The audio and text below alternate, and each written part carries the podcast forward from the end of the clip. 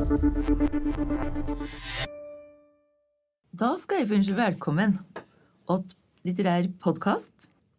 Og dette er en del av oppkjøringen til Bokgilde, som skal være den 9. mars i år.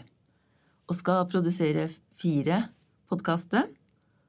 Og det er logga i Bærum, men det er Viken fylkesbibliotek som er ansvarlig for dem. Jeg heter Olga Skrində. Jeg jobba ved Viken fylkesbibliotek. Og i dag er jeg så heldig at jeg har fått med meg og Anja Røyne. Og vi skal prate om boka hennes som heter Varm klode, kaldt hode, og som har undertittelen Løsninger på klimakrisen. Veldig fint at du kunne være med oss, Anja. Ja, takk for at jeg fikk komme. Og først så vil jeg gjerne at du sier litt om deg sjøl, og om hva slags bok dette her egentlig er. Ja, så litt om meg. Jeg er fysiker og jobber på Universitetet i Oslo. Der jeg underviser fysikk. Nå underviser jeg om energiressurser og klima. Og så har jeg forska på litt av hvert, og materialer og solenergi og sånt. Og så denne boka her, det er da min andre sånn populærvitenskapelige bok. Og, og den boka handler om sånn konkret teknisk hva er det da meningen at vi skal kunne gjøre for å ikke få altfor høye nivåer av klimagasser i atmosfæren? Og hvorfor, kan du si. Ja, mm. ja men det, det, var fint. For det jeg tenkte at oss kunne gjøre nå, det var å, å prate litt om disse her begrepet som svirrer rundt oss når vi hører om klimaproblem.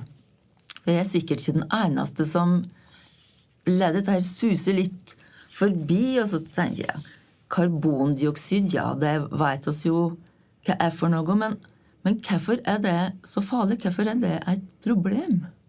Ja, altså karbondioksid i seg selv er jo ikke farlig. Liksom, vi produserer jo det inni kroppene våre når vi, når vi forbrenner liksom, mat da, inni cellene våre, og vi puster det ut. Og det er karbondioksid er mat for planter, og det er jo en helt sånn livsnødvendig gass på jorda. Det, så det er så. Men karbondioksid har også en viktig rolle for å regulere temperaturen til planeten vår. Så det er sånn at hvis vi, hvis vi ikke hadde hatt noen gasser i atmosfæren som kunne fange opp litt varme, så hadde planeten, vårt, planeten, vår blitt veldig kald. Det hadde blitt altfor kaldt til å leve på. Så eh, grunnen til at vi har det behagelig varmt her, det er at det er et passe nivå av det som man kaller drivhusgasser i atmosfæren. Og det er sånne gasser som eh, eh, Når jorda, altså jorda får solstråling inn, det er det som varmer den opp. Men så må den jo også avkjøle seg, for hvis den bare får og får og får energi og ikke sender noe ut, så blir den jo bare varmere og varmere. Og, jorda avkjøler seg på en måte med å sende varmestråling ut i uh, universet. Sånn som en uh, varmeovn sender fra seg varmestråling, så sender jorda fra seg varmestråling ut i uh, universet. Og noe av den varmestrålingen varmer opp noen få av gassene i atmosfæren. Så ikke oksygen og hydrogen og sånn det som er mesteparten av lufta rundt oss, men eh, karbondioksid og vanndamp og metan og noen få andre gasser. Ja, for, for da, da, kom du faktisk inn på det andre ordet på lista mi, og det var jo drivhusgasset. Ja. Og så lurer jeg på, Drivhusgass og klimagasser, er det det samme?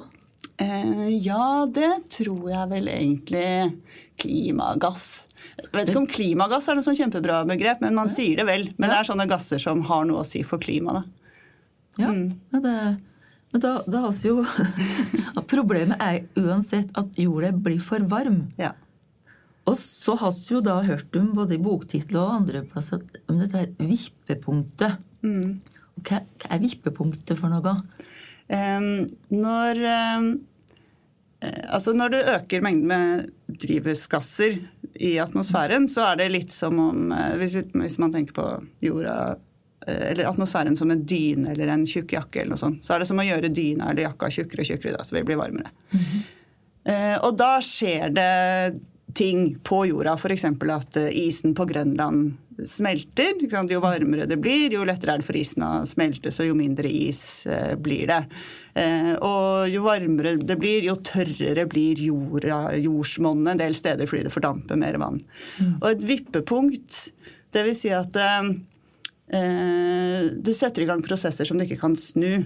Ikke så du, hvis planeten Gjennomsnittstemperaturen på planeten stiger og stiger, og da smelter f.eks. grønlandsisen mer og mer, og så kan du si at ok, men nå, nå, nå skjerper vi oss. Liksom, nå rydder vi opp, nå tar vi drivhusgasser ut av atmosfæren, og så etter hvert så går temperaturen ned igjen, og så har vi liksom redda oss. Så er ikke det sikkert at det stemmer, fordi at da kan den smeltingen liksom ha kommet i gang så mye at uansett hva man gjør, så smelter all isen. Og så stiger havet, og det tar lang tid, men det har liksom satt i gang noe som ikke kan stoppes. på en måte. Da. Det er et sånn vippepunkt. Til å liksom gå fra en tilstand eh, til en helt annen. Mm. Og det vil man jo unngå, da. Ja, det høres eh, skikkelig skummelt ut, og det gjelder jo mye av dette her, da. Ja. Men så har vi jo Parisavtalen, det som ikke prater om, den, og at uh, politikerne prater om det, om de har møte om det, og, og, så skjer det kanskje ikke så, så veldig mye, da. Men men er, altså, dette er togradersmålet er jo et stikkord der, så vidt jeg har forstått. Mm. Men er det andre ting i Parisavtalen som du tenker at oss bør, bør vite noe om? Altså, Parisavtalen er, er den første avtalen som er på en måte bindende i den forstand at hvert land skal sette sine egne bindende mål. Da. Som til sammen, Så skal man komme sammen hvert femte år og så skal man se på alle målene som alle landene har klart å komme opp med. og Så skal man se hvor mye det monner. Liksom kan man finne ut av hvor, okay, hvor mye oppvarming får vi da. Ok, Da går alle hjem igjen, og så setter de enda strengere mål. og Så kommer vi tilbake, og så skal man liksom alle klare å forplikte seg selv. da, Sånn at man skal ha en mekanisme hvor dette faktisk skal skje. Eh, og togradersmålet har det har vært satt som en sånn grense kanskje for hva vi kan akseptere eh, lenge. Og i Parisavtalen så ble det egentlig skjerpet sånn til helst under 1,5. Og det har å gjøre med en del sånne vippepunkter. Da. Eh, at eh, hvis, vi, hvis, vi, klarer å holde oppvarmingen såpass lav, så, så, tenker vi at vi kan unngå de verste konsekvensene.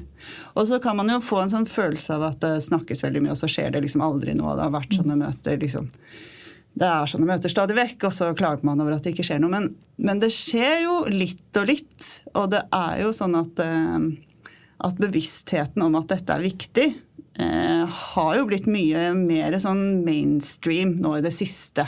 Altså, virker det som, da. Det går nok litt i bølger, for det har vært mainstream før også. Og så, så dabbet det liksom litt av. Men, men jeg tenker at nå er vi inne i en sånn bølgetopp på en måte hvor det er stor oppmerksomhet. Og det er jo det er ikke sånn at sånne ting går gradvis. Hvis, plutselig, liksom, hvis snøballen virkelig begynner å rulle, da, så kan man jo endre ganske mye. hvis man vil. Ja, og det er jo det som er spennende. Og det var derfor det var så spennende å lese om dine forslag til løsninger med. Fordi at du gir oss jo håp om at dette her går det faktisk an å gjøre noe med. Mm. Og det var derfor jeg likte boka di så godt. Men når det er sagt, så, så er det jo ganske krevjende forslag. Mm. Både teknisk og økonomisk, økologisk og politisk, som vi også var inne på med, med Parisavtalen. Og da har jeg samla noen ord her med som jeg har lyst til å, å få det til å, å, si litt om. Fordi mm. altså, negative utslipp ja, det er et kjemperart begrep. ikke sant? Ja, det, er. Ja, det er som eh, negative renter, da, kan du si. liksom, hvis ja. du, Istedenfor at du må betale noe, så får du noe tilbake. Men her er det, Istedenfor å slippe noe ut, så må du suge det inn. da. Ja. Istedenfor å rote, så må du rydde. Eh, så negative utslipp handler om Det handler om det at eh, for klimaet sin del så er det ikke utslipp per år egentlig som er viktigst. fordi at eh, når vi har økt innholdet med CO2 i atmosfæren, så blir det liksom værende høyt. Det er ikke sånn at det går ned igjen av seg selv. Eh, på, det tar veldig veldig, veldig lang tid før det går ned igjen av seg selv. Mm. Så det er litt sånn, Man kan se det for seg som et, eh, som et badekar. f.eks., som har et sluk. Så det renner litt vann ut gjennom det sluket, men det er grenser for hvor mye vann som kan renne ut gjennom det sluket. da. Det er de naturlige. Så hvis, hvis du ser for deg badekaret, og så er liksom mengden med vann i badekaret er mengden med CO2 i atmosfæren. Og så er sluket det er de naturlige prosessene nå som tar CO2 ut av atmosfæren. Det, er, det går ganske sakte. Og så er, så, så er vannet inn, altså det som kommer ut av krana, det er, eh, det er utslippene våre. Det er det vi pøser ut i atmosfæren hele tiden. Og hvis det renner mye mer vann inn i badekaret enn en det renner ut, så blir det jo mer og mer oppi badekaret. Og når man da snakker om negative utslipp, så handler det da egentlig om å, å øke størrelsen på det sluket. Og få mer ut, sånn at ikke mengden blir så stor. Og sånn at man kan kanskje etter hvert eh, gjøre eh, krana, liksom skru igjen krana, eller gjøre den så liten, eh, den vannstrømmen inn så liten som mulig. Og så ha et stort sluk, da, sånn at vi kan få, hvis eh, mengden i atmosfæren har blitt uakseptabelt høy, så kan vi få den ned igjen på akseptabelt nivå. Ja. Og jo lenger man bare fortsetter å slippe ut og slippe ut, jo mer blir man nødt til eh, ganske snart da, å ta ting ut igjen. Ja, det var fint forklart. Ja, fordi jeg har skjønt at dette med Hvis det er forstått rett, og nå må du korrigere meg, da, det er derfor du er her At, eh, at det er CO2-lagring, det er ei side, og så er det solskjerming, som på en måte er to forskjellige måter å kan gjøre noe med dette her på, da. Og det var veldig spennende å lese om de forskjellige alternativer til, til CO2-lagring. Mm. For her er det prat om skog og jord og hav. Altså, kan ikke du si litt om det, og da kan du velge ut det du syns er mest spennende sjøl? Ja, um, ja det jeg syns er mest spennende og på en måte, altså Når du sier CO2-lagring, så er jo det som de fleste kanskje har hørt om, det er jo det å hvis, hvis noen har hørt om CO2-lagring, så er det gjerne det å pumpe CO2 ned i, eh, ned i geologiske reservoarer i Nordsjøen. altså Sånn som man pumper olje opp, og så kan man pumpe CO2 ned. Ja. Det funker. Der man bare har infrastruktur, så må man samle sammen CO2-en på en eller annen måte. Så er det bare å pumpe den ned i seinen. og det er liksom Det er jo bra. Da er den ikke i lufta. Og det skjer i ganske stor skala Ja, det, allerede. er, det skjer eh, Det driver Norge med fordi at eh, Norge innførte den CO2-avgift eh, på sokkelen. Og så er det startet de med det på Sleipner-feltet fordi at det er utvant i gass som inneholdt mer CO2 enn de egentlig kunne ha i den gassen for å selge den. Og da var alternativet til Statoil at de kunne slippe CO2-en bare rett ut i lufta, som de vanligvis ville gjort. Men så ble det ganske dyrt fordi de måtte betale avgift. Og da fant de ut at de kunne pumpe den ned i, i steinen, og det har de gjort lenge, og det har funka bra. Og det er sånn som forskere har observert nå lenge, det er forskere fra hele verden, og på en måte funnet ut av hvordan man kan gjøre dette. da. Og det gjøres noen andre steder òg. Men så er det jo med andre løsninger, og det er en del sånne naturlige løsninger også, hvor, hvor liksom naturens prosesser kan hjelpe oss med å få CO2 ut fra lufta og til steder hvor den er mer stabil. Um, og eh, da er det det med ikke CO2, da, men karbon i jord er en, eh, er en viktig del. Og eh, liksom den hyggeligste delen å skrive om, syns jeg, fordi at der er det en sånn vinn-vinn-situasjon, gjerne, i forhold til mange av disse andre løsningene som jeg beskriver, er jo en løsning på klima, klimaproblemet, men så er det jo et problem på andre måter, ikke sant? Ja. Mens eh, når det gjelder jord, så er jo matjord sånn som vi dyrker i.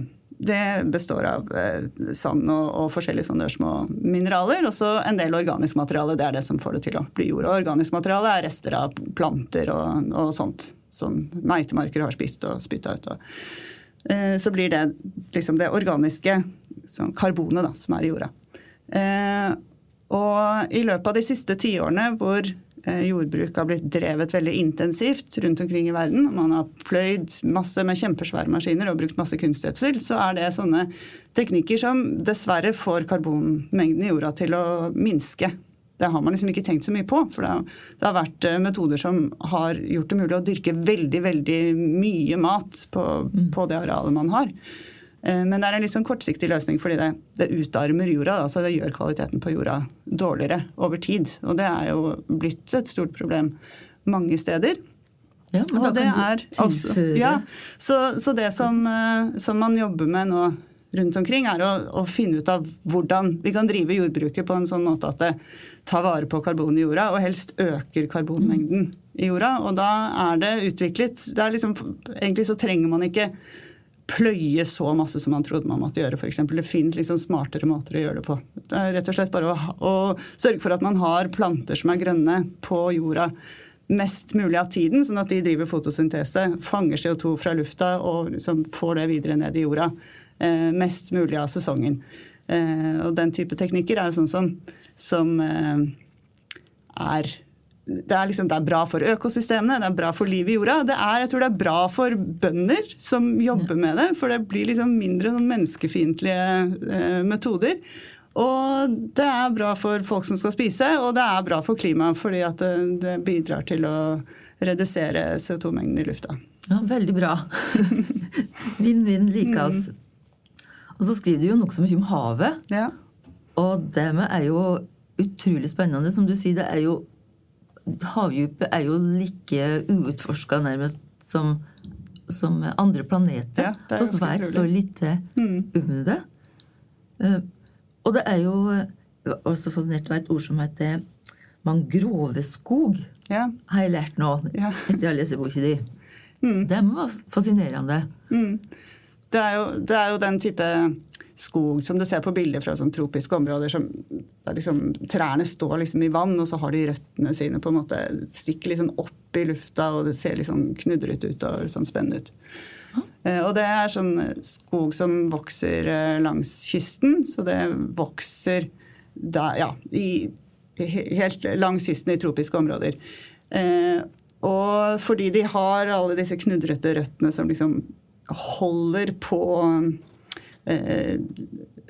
det man kaller sedimenter. Da. Løsmasser. Liksom, eh, sand og døde blader og, og eh, ting som blir sendt med elvene ned mot kysten.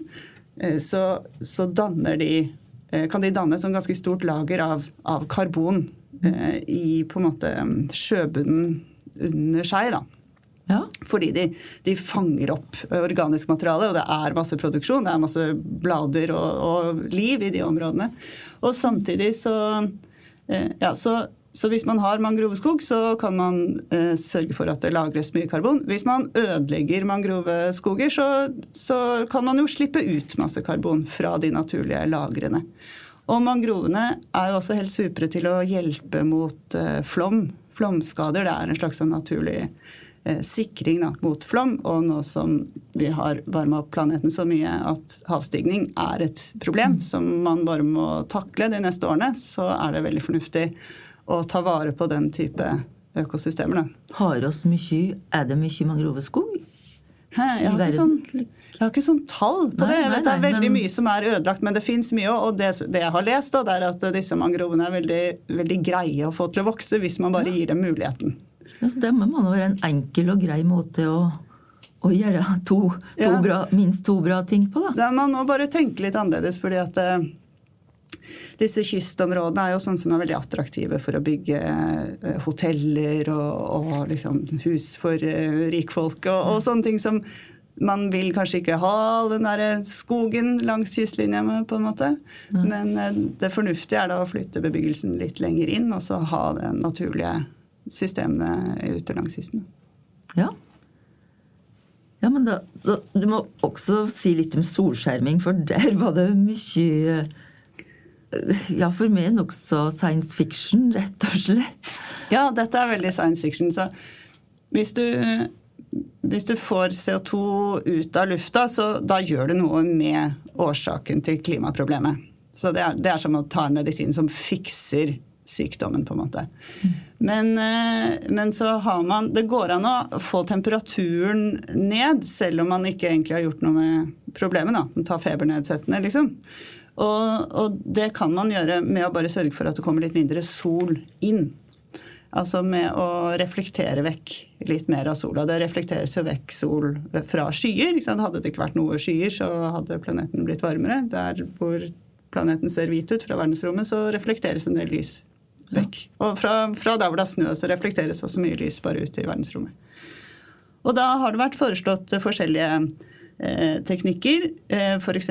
Å lage eh, mer skyer over havene ved å ha noen slags båter som sprayer saltvann opp i lufta. For da, da vil det dannes sånn ørsmå saltkrystaller, og så kan det dannes vanndråper på de, så de kan liksom lage skyer. da. Ja, Som reflekterer, ja, som, som, da gjør Du merker jo hvis du har en sky over deg, at det blir mindre varmt. Ja. ja så mer skyer, mindre varmt.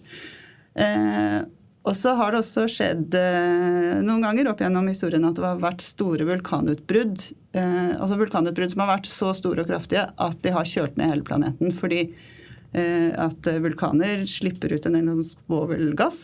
Og hvis den kommer høyt nok opp, helt liksom opp i toppen av atmosfæren, så vil det danne sånne ørsmå dråper av svovelsyre, egentlig. Og så vil det bre seg ut som et sånn slør helt øverst oppe i, i atmosfæren, altså i stratosfæren. Som, som, gjør at himmelen bare ser litt mer sånn disig ut, og så reflekterer det sola. sånn at da, da blir liksom solen skjermet over hele planeten. Og det eh, har eh, folk regna på og funnet ut at det er helt, helt gjennomførbart. Om du har noen noen fly, f.eks., eller kanskje du kan skyte opp noe med noen kanoner eller et eller annet, og så kan man kjøle ned planeten på den måten. Og det høres jo ganske sprøtt ut. Det er ikke noe som jeg vil, som vil anbefale, da. Og de som, jeg har snakka med folk som forsker på dette. Og det er Da, da tenker man at det, dette er noe som helt greit no, et, et internasjonalt selskap da, kunne satt i gang, fordi de hadde interesse av at jorda ikke skulle bli så varm. Og da er det i hvert fall best at vi kanskje at vi vet mest mulig om hva konsekvensene kan bli. For det kan ha en del å si for, for værsystemene på jorda. Det er ikke sånn at det bare du senker temperaturen, og så går alt tilbake til sånn som det var da temperaturen var lavere. Fordi at Hvis du skjermer for sola, så gjør du en del med, med de store værsystemene. Altså hvor det er regn, og hvor det er tørt osv. Så, videre. så det kan liksom være bra for noen og ikke så bra for noen andre. da. Ja, og det er jo akkurat det. Alt henger jo sammen med ja. alt, og, også her, naturligvis. Mm. Uh, ja. Ja, nå skal jeg oppsummere det jeg oppfatter som, eh, som, dine løsninger. Så må du protestere hvis du ikke er enig, for å si det slik. Men, mm. men, det du sier, er jo at oss eh, bare prompte må slutte med alt som heter fossil brensel. Mm. Fossilt drivstoff. Vi må redusere utslippet, men vi må også da ha dette her med å ta ut mm. allerede. Og så er det dette med forskning og teknologi som som blir kjempeviktig framover, slik jeg mm. forstår, forstår, det og det ja. du altså, ikke sant, Så en del, en del vet vi jo. Mm. Eh, og det med å liksom drive og tvære ut den her oljealderen det, det, det, vet jo Alle vet nok til at det er bare Det må man bare slutte med. Og, og har man liksom kniven på strupen, så det er så mye teknologiske løsninger tilgjengelig bare rett rundt hjørnet. At hvis noen blir nødt til å utvikle dem sånn at de kan brukes på stor skala, så, det, så går det. Det, det, er, det, er, så masse som er liksom klart, bare man får insentivene til det. Uh, og, og, noen løsninger, altså det med å drive jordbruk på en bedre måte f.eks. Noe kan liksom settes i gang for, for, å få CO2 ut av lufta. Uh, og så er det noen løsninger uh, som som f.eks. som jeg skriver om i boka, at man kan dyrke tare i havene på helt enorme områder, og så kan man senke det til, til havbunnen. Da kan man kanskje få, få, ut mye CO2 fra lufta på den måten, men man er nødt til å forske på det for å finne ut av om det har for store negative konsekvenser for økosystemene i havet f.eks. Og den type forskning det tar lang tid, fordi du må se på effekter over tid. Så det bør man også bare komme i gang med. Ja, Og det krever jo ressurser, ja. mm. naturligvis. Og, og, da oss over på politikk. Jeg har lyst til å prate litt om politikk. Mm. Fordi nå det jo, skal det jo være et valg her i Norge til høsten. Og oss uh, har jo vært inne på Parisavtalen, politikere som kanskje ikke nødvendigvis følger like samvittighetsfullt opp mm. de avtalene de sjøl har Eller kanskje forgjengerne deres har vært med og inngått. Mm. Og det er jo det er vel kanskje det som er hovedutfordringen nå. Å få politikere som faktisk tar dette her ansvaret som, som oss trenger, da. Mm. Men hva, hva, hva, tenker du at oss må gjøre for å ansvarliggjøre politikerne? hva skal, oss, hvordan skal jeg få, få politikere som, som, kan være med og, ja. og ta gode beslutninger? Ja, nei eh, Politikk er jo kjempevanskelig. Ja. Men eh, det viktigste er jo hvem du stemmer på. Eh, altså at man må, man må tenke over hva, hva, som er viktigst nå, på en måte.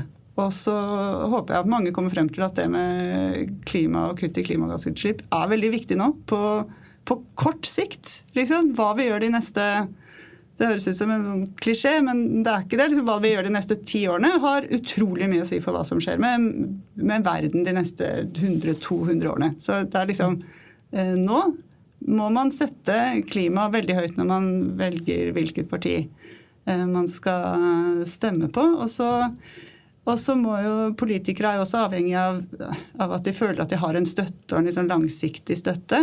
Så de ser jo til hva som skjer rundt omkring i samfunnet, altså hva organisasjoner sier. Eh, sånn at når man eh, Så jeg tenker at det er viktig Det er liksom Det er viktigere å, å å organisere seg på en eller annen måte. Da. Det man selv har glede av og er komfortabel med, men på en eller annen måte liksom finne noen å gå sammen med da, på et eller annet skala, eh, enn nødvendigvis bare det å, å, hva man gjør sånn helt selv for ja. sin egen samvittighet. Mm. Ja, og så, så, er det jo tross alt eh, litt lik ljosere utsikter litt mm. globalt, tenker jeg da, nå med ny president i ja. USA. Eh, som, mm. som, er bra. Men, men det, dette med ja, gamle synder, hvem skal betale, u-land-i-landsproblematikk eh, Det er jo store spørsmål, mm. naturligvis. Det er store spørsmål, men altså, altså, man kan si De rike landene har jo på en måte en mye større gjeld. Altså, det er jo de som har skapt problemene og bør ta sin del av ansvaret. Men så er det jo også sånn For det vil jo så noen si at det, nei, de som de som syns klima er så viktig, de unner ikke de fattige landene å liksom få de samme mulighetene som oss. Da syns jeg man må tenke litt på størrelsesordenene i utslipp. Altså de Mesteparten av utslippene kommer fra ikke så veldig mange. Liksom det er fra de rikeste landene, de rikeste menneskene eh, og de rikeste, de største selskapene. Eh, kan, vi kan fint unne de fattigste landene eh, en del vekst, samtidig som vi liksom går hardt inn for å kutte utslipp. Ja, det, er bra å høre. ja. ja. for det, handler jo om økonomi også, og, mm. og, og prising av klimaproblemet, på en måte. At, mm. at, og det har vi jo begynt med nå. Og vår egen regjering har jo lagt fram en klimaplan. Ja. Um, har du sett det nå inn i den Nei, jeg har ikke lest den. Nei? Nei. Jeg har sett at de skal øke CO2-avgiften. Det er flott.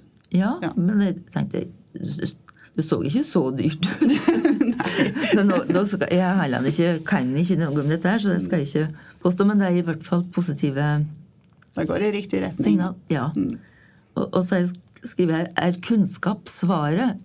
Kan jeg si at det at oss alle sammen forstår litt mer av sammenhengen her, Tenker du at det er et viktig mål at norske folk, verdens befolkning, øker kunnskapen sin om, eh, om klimaproblem? Eh, ja, jeg tror det. Ja, det er veldig det er vanskelig med kunnskap i disse dager. Da, for det er jo det, det er jo så mange forskjellige liksom, kamre man sitter i, hvor man tror på forskjellige ting. Eh, men, eh, men jeg mener jo at eh, ja, at kunnskap er viktig. Definitivt. Og, og, jeg tror kanskje også, hvis man har noe kunnskap, at man liksom stoler litt på, på Hvis man lærer seg hvilke kilder man kan stole på. Og så på en måte snakker litt mer om disse tingene. da. Klima er, er, viktig. Valget, politiske valget er, er, viktig. At man kanskje for klima dette, Det, litt sånn der, blir litt sånn moralisme inni det, liksom. Og da blir det gjerne sånn tema som, som blir litt sånn tabu å ta opp nesten i familieselskapene og sånn. Men jeg tenker at det, hvis man snak, diskuterer dette litt mer seg imellom, Og eh, så er det nyttig. Og jeg tenker den boka Det jeg håper liksom at folk kan få igjen fra den, den boka jeg har skrevet nå, er jo litt sånn følelse av at eh, Altså forståelse for at dette er liksom et stort problem som haster, og det går an å gjøre noe med det, men man må bare sette i gang nå. på en Ja. måte. Ja. Og det er bra. Og så tykker jeg jo at eh, man må si at pressa avisen skriver mer om det, eller det er bare fordi at jeg har tenkt, begynt å tenke mer på det, at jeg ser det? Det, det kan Ja, jeg ser veldig mye, men, men det kan jo være noe med hvor jeg ser. Ja da, det, det er klart det. Men, men oss ser jo også på i bokverden at uh, i, i fjor, i 2020, så var det i hvert fall ti bøker som handla om Som hadde dette som tema. Så jeg tror oss må, må kunne si at uh, det går rette veien. Men apropos din motivasjon og hvorfor du har skrevet bok, så jeg tenkte jeg skal avslutte med det. Fordi hva er din drivkraft til å skrive i hele tatt, men spesielt dette om klima? For du har jo, som du sjøl sa eh, innledningsvis, skrevet ei bok som heter 'Menneskets grunnstoffer'. Hun kom i 2018 og fikk Bragepris. Det var jo kjempebra. Og, men men hva, hvorfor skriver du? Eh, Jeg har jo jobba ganske lenge som eh, forsker, og da uh, er det jo en del av jobben da på en måte er at man, man, man må grave seg litt ned. da. Se på veldig spesifikke ting som, som blir en liksom, deler av puslespillbitene for liksom, det store bildet. Men eh, men så fant jeg ut at det å eh, skrive bok var en, sånn, en måte å, å angripe det store bildet, da. De store spørsmålene, de store sammenhengene. For jeg eh, fant ut at det var noe jeg lurte på. Eh, og da kunne jeg Og da var det sånn bokprosjekt var liksom en god måte å kunne sette seg ned og grave i, i de, liksom de store sammenhengene og finne ut av det. Så det var egentlig mest Jeg har liksom mest skrevet for meg, da. For det var noe jeg lurte på og hadde lyst til å finne det ut. Og så, og så tenkte jeg liksom det gjaldt begge de bøkene. Alt her følte jeg meg plutselig utrolig uvitende. Tenk at jeg ikke har tenkt over dette før. Eh, hva betyr det her med negative utslipp i det hele tatt? Plutselig følte jeg meg helt eh, dum for at jeg bare kom på liksom, at dette var et sånt begrep som ikke ga noe mening for meg i det hele tatt. Eh, og så tenkte jeg at eh, nå er jeg med all min utdannelse og, og forskerbakgrunn tross alt, hvis jeg syns at dette er så rart, så er det jo sikkert noen flere i hvert fall som ikke, heller ikke skjønner dette. Ja, så da det det. bør det jo være verdt å skrive en bok om det, da. Ja, ja det, og da hadde du egentlig svaret på mitt neste spørsmål hvorfor klimabok. Men da, da var det egentlig Du lurte sjøl, og, Ja. og, du- og kan gi det videre. Men jeg tenker at det er jo, som vi vært inne på, et utrolig stort felt. da. Hvordan Var du ut Hvordan jobba du i hele tatt med, med ideen og, og kom fram til, til slik boka ble? Eh, ja, jeg, det fins mye, mye litteratur, da. Så jeg starta med de store, store rapportene fra det amerikanske vitenskapsakademiet og det europeiske forsknings... et eller annet. Og liksom det fins store sånne rapporter om temaet, og så gå videre til til forskningsartikler og, eh, og sånne ting. Og så måtte jeg jobbe ganske mye med, med struktur, på en måte hvordan man skal kategorisere disse tingene og, og liksom systematisere det. Eh, Så jeg endte opp med å dele opp i, i de forskjellige sfærene, altså jord og luft og hav og stein, for å ha liksom et sted å putte alle disse forskjellige eh, temaene. da. Og når jeg først hadde det på plass, så kunne jeg liksom sy det sammen. Men jeg har, jeg har eh, lest veldig, eh, veldig mye. Både forskningsartikler og nyhetssaker og, eh, og sånn, for å ja, få det inn. Ja, og, og, og du har, klarer å holde tråden i det, for det er Jeg må i hvert fall innrømme at jeg syns det er nokså komplisert eh, sammenheng her. Ja. men, men jeg syns du har forenkla og gjort det, gjort det tilgjengelig for meg, så det, det, Så bra. Det var det som veldig godt. meningen. Eh, Men også dette med språk, jeg vet jo at du jobber jo i et akademisk miljø, men, men det, er ikke det at du jobber med språket, for dette er jo ikke avhandlingsspråk som, som er brukt i boken? Ja, ja nei, det har jeg jobba mye med, da. Eh, så jeg har tenkt at eh, eh, Altså, vi bruker jo et akademisk språk for å være superpresise når vi, når vi eh, kommuniserer liksom, forskere imellom. Men det skal jo være en, en, en, mening som det går an å forstå, som ligger bak de ordene også. Og så har jeg bare tenkt at jeg skal ikke, målet med denne boka er ikke å lære noen nye ord. Hvis jeg vil lære nye ord, så kan jeg sikkert finne det et annet sted. Men jeg har bare lyst til å beskrive ting sånn at man kan forstå det.